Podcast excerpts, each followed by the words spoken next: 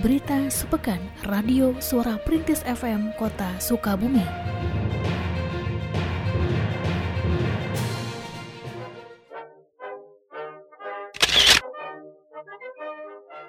Palang Merah Indonesia, PMI Kota Sukabumi menggelar kegiatan simulasi evakuasi mandiri dalam mewujudkan kesiapsiagaan terhadap potensi bencana gempa bumi. Simulasi ini digelar pada hari Minggu 17 Januari 2021 di Kecamatan Baros.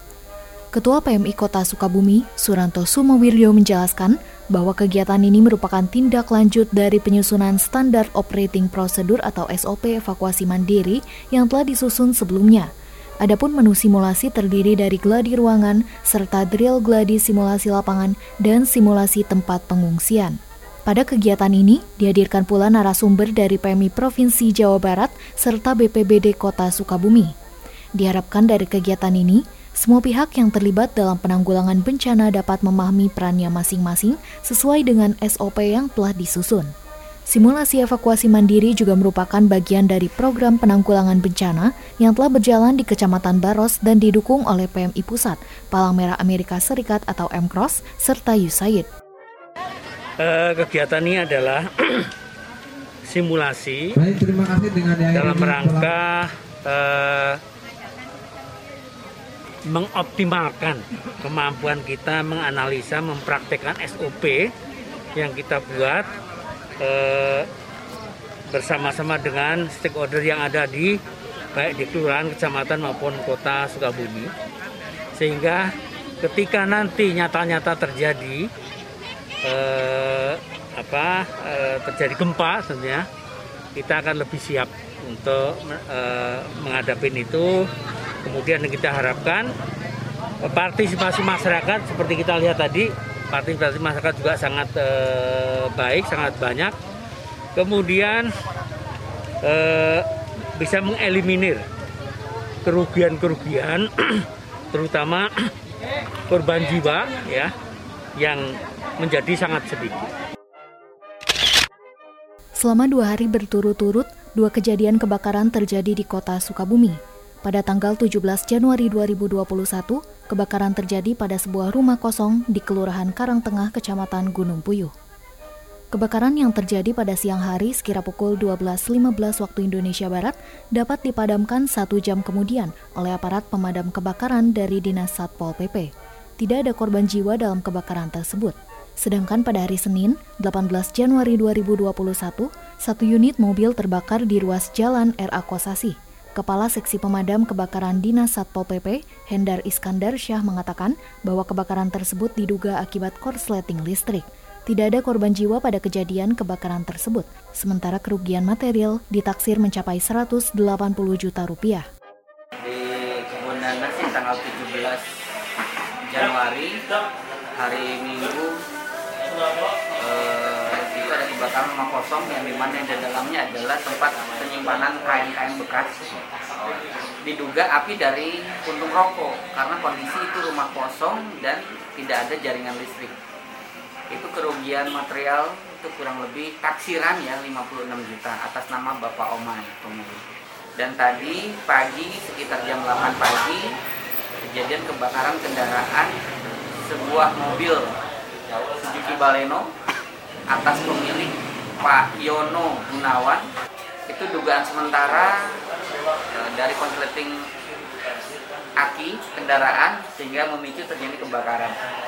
Ya, saya mengimbau kembali kepada masyarakat khususnya warga kota Sukabumi harap kembali memperhatikan potensi-potensi peralatan atau barang-barang yang bisa memicu bahaya kebakaran. Jangan lengah dan gunakan peralatan sebagaimana fungsinya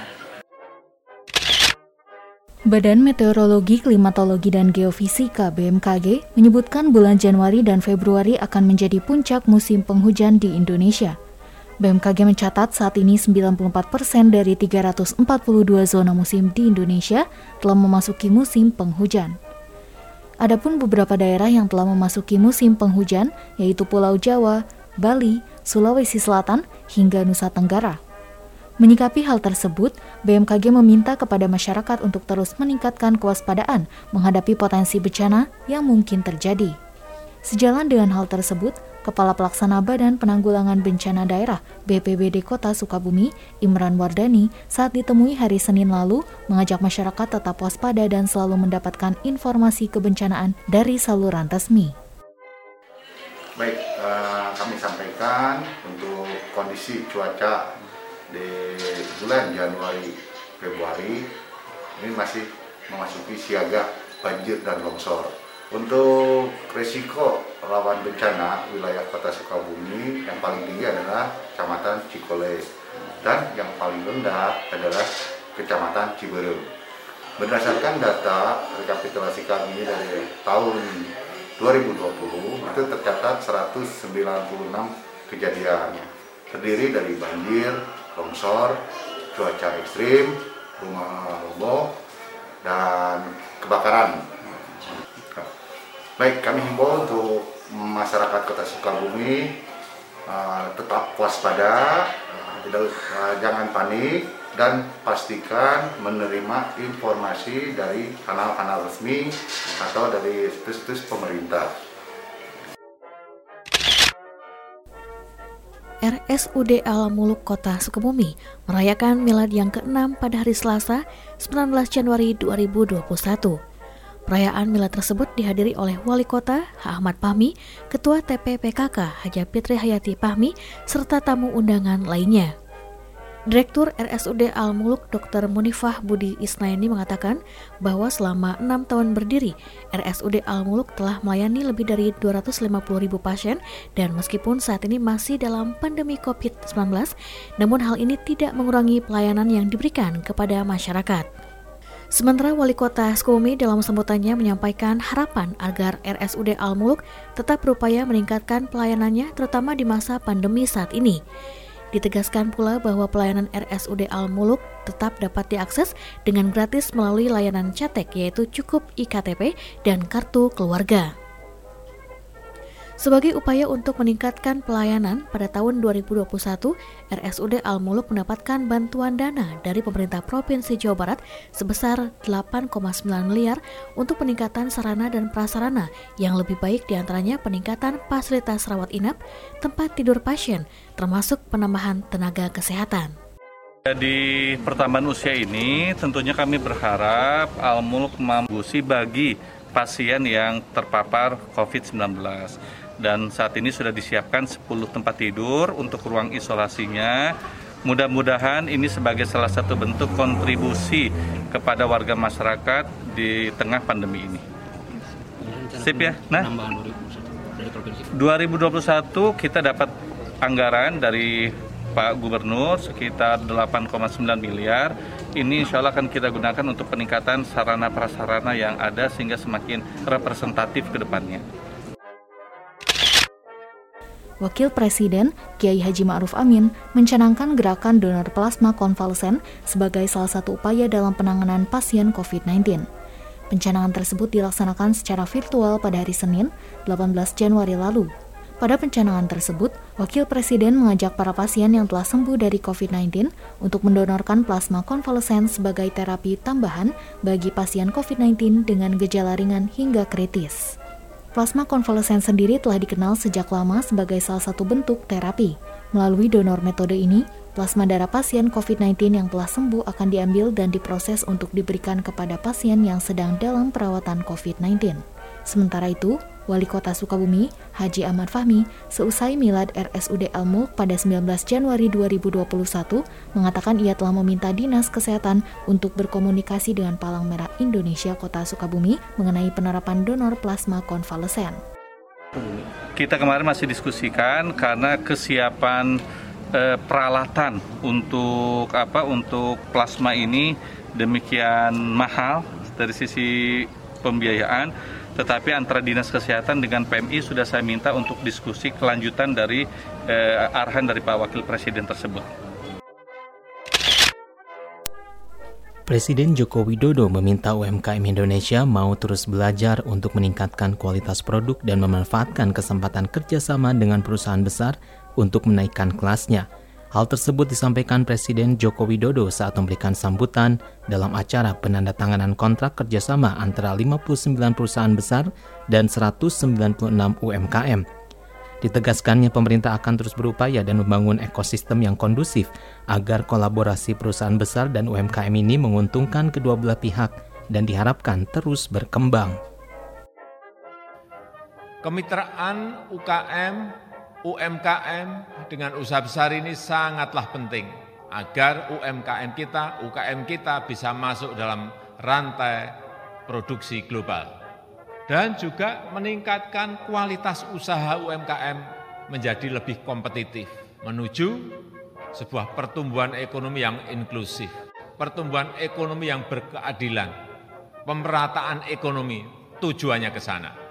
Kontrak kerja antara UMKM dan usaha besar ini harus berlangsung secara berkelanjutan, tidak hanya sekali, tapi terus menerus.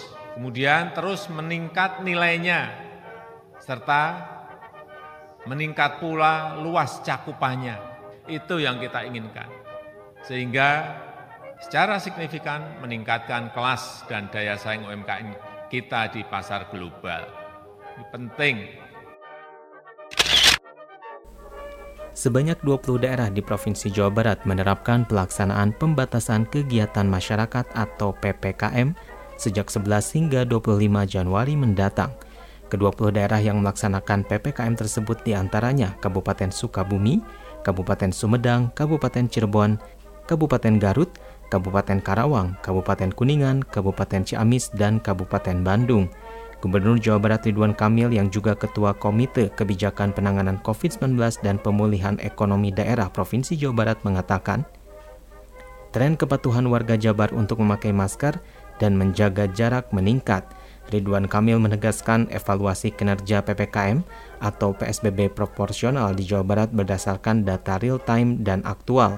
Di saat bersamaan, hingga kini pihaknya masih berhadapan dengan kendala penumpukan laporan kasus harian. Daerah yang paling patuh masyarakatnya memakai masker adalah Kota Bekasi. Jadi saya ucapkan terima kasih kepada masyarakat Kota Bekasi yang paling tidak patuh memakai masker Kabupaten Tasikmalaya. Ya. Nanti detailnya saya share ya, tapi sementara itu. Yang bisa menjaga, patuh menjaga jarak juga jatuh kepada Kota Bekasi.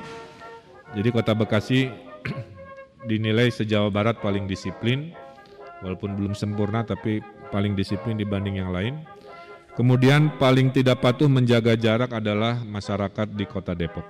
Ya, jadi eh, kepada yang sudah patuh tolong pertahankan, kepada yang tidak patuh saya titip kepada wali kota, bupati untuk terus mengedukasi masyarakatnya karena tingkat kepatuhan di Jawa Barat itu antara 60 sampai 70 persen.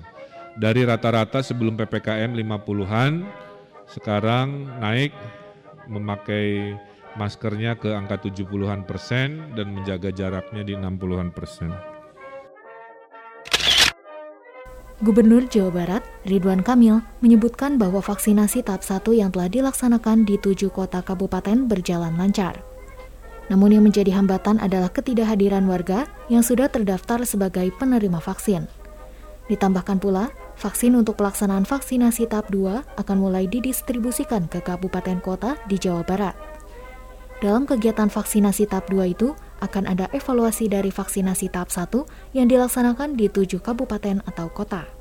Proses distribusi vaksin mulai dari gudang milik pemerintah provinsi ke gudang-gudang kota kabupaten sejauh ini berjalan lancar. Gubernur mengungkapkan, pada bulan ini target penerima vaksin adalah 153 ribu tenaga kesehatan di 27 kabupaten kota di Jawa Barat. Tahap kedua, yakni TNI, Polri, dan profesi rawan terpapar COVID-19 sedangkan tahap ketiga untuk masyarakat umum sesuai kriteria. Ditegaskan pula, pemerintah daerah harus maksimal melakukan edukasi mengenai vaksinasi kepada masyarakat. Edukasi bisa dilakukan dengan memasang baligo di jalan-jalan protokol sehingga masyarakat sadar akan pentingnya vaksinasi COVID-19.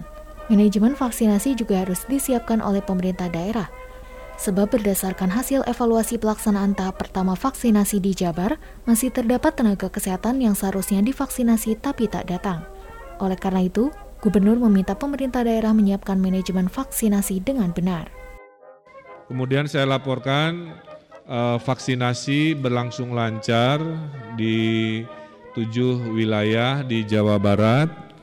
Hanya uh, manajemen data masih jadi kendala yang datang untuk divaksin ternyata tidak 100% seperti yang ditargetkan yang dikirim via SMS itu ya. Jadi masih dari dari 100% yang harusnya datang itu tidak semuanya datang. Jadi ada eh, nah ini yang kita akan sinkronisasi dengan pemerintah pusat agar pemerintah daerah Jawa Barat diberi kewenangan lebih besar untuk mengelola siapa-siapa yang divaksin atau tidak supaya kami mudah melacak. Karena datanya ada di pemerintah pusat yang nggak datang kami nggak tahu. Karena kami nggak tahu kami tidak bisa melakukan pertolongan. Apakah tidak ada transportasi apakah tidak terberitahu. Nah ini harus kita perbaiki sebelum nanti manajemen vaksinasi untuk masyarakat umum di tahap 3 atau tahap 4 eh, hadir ya.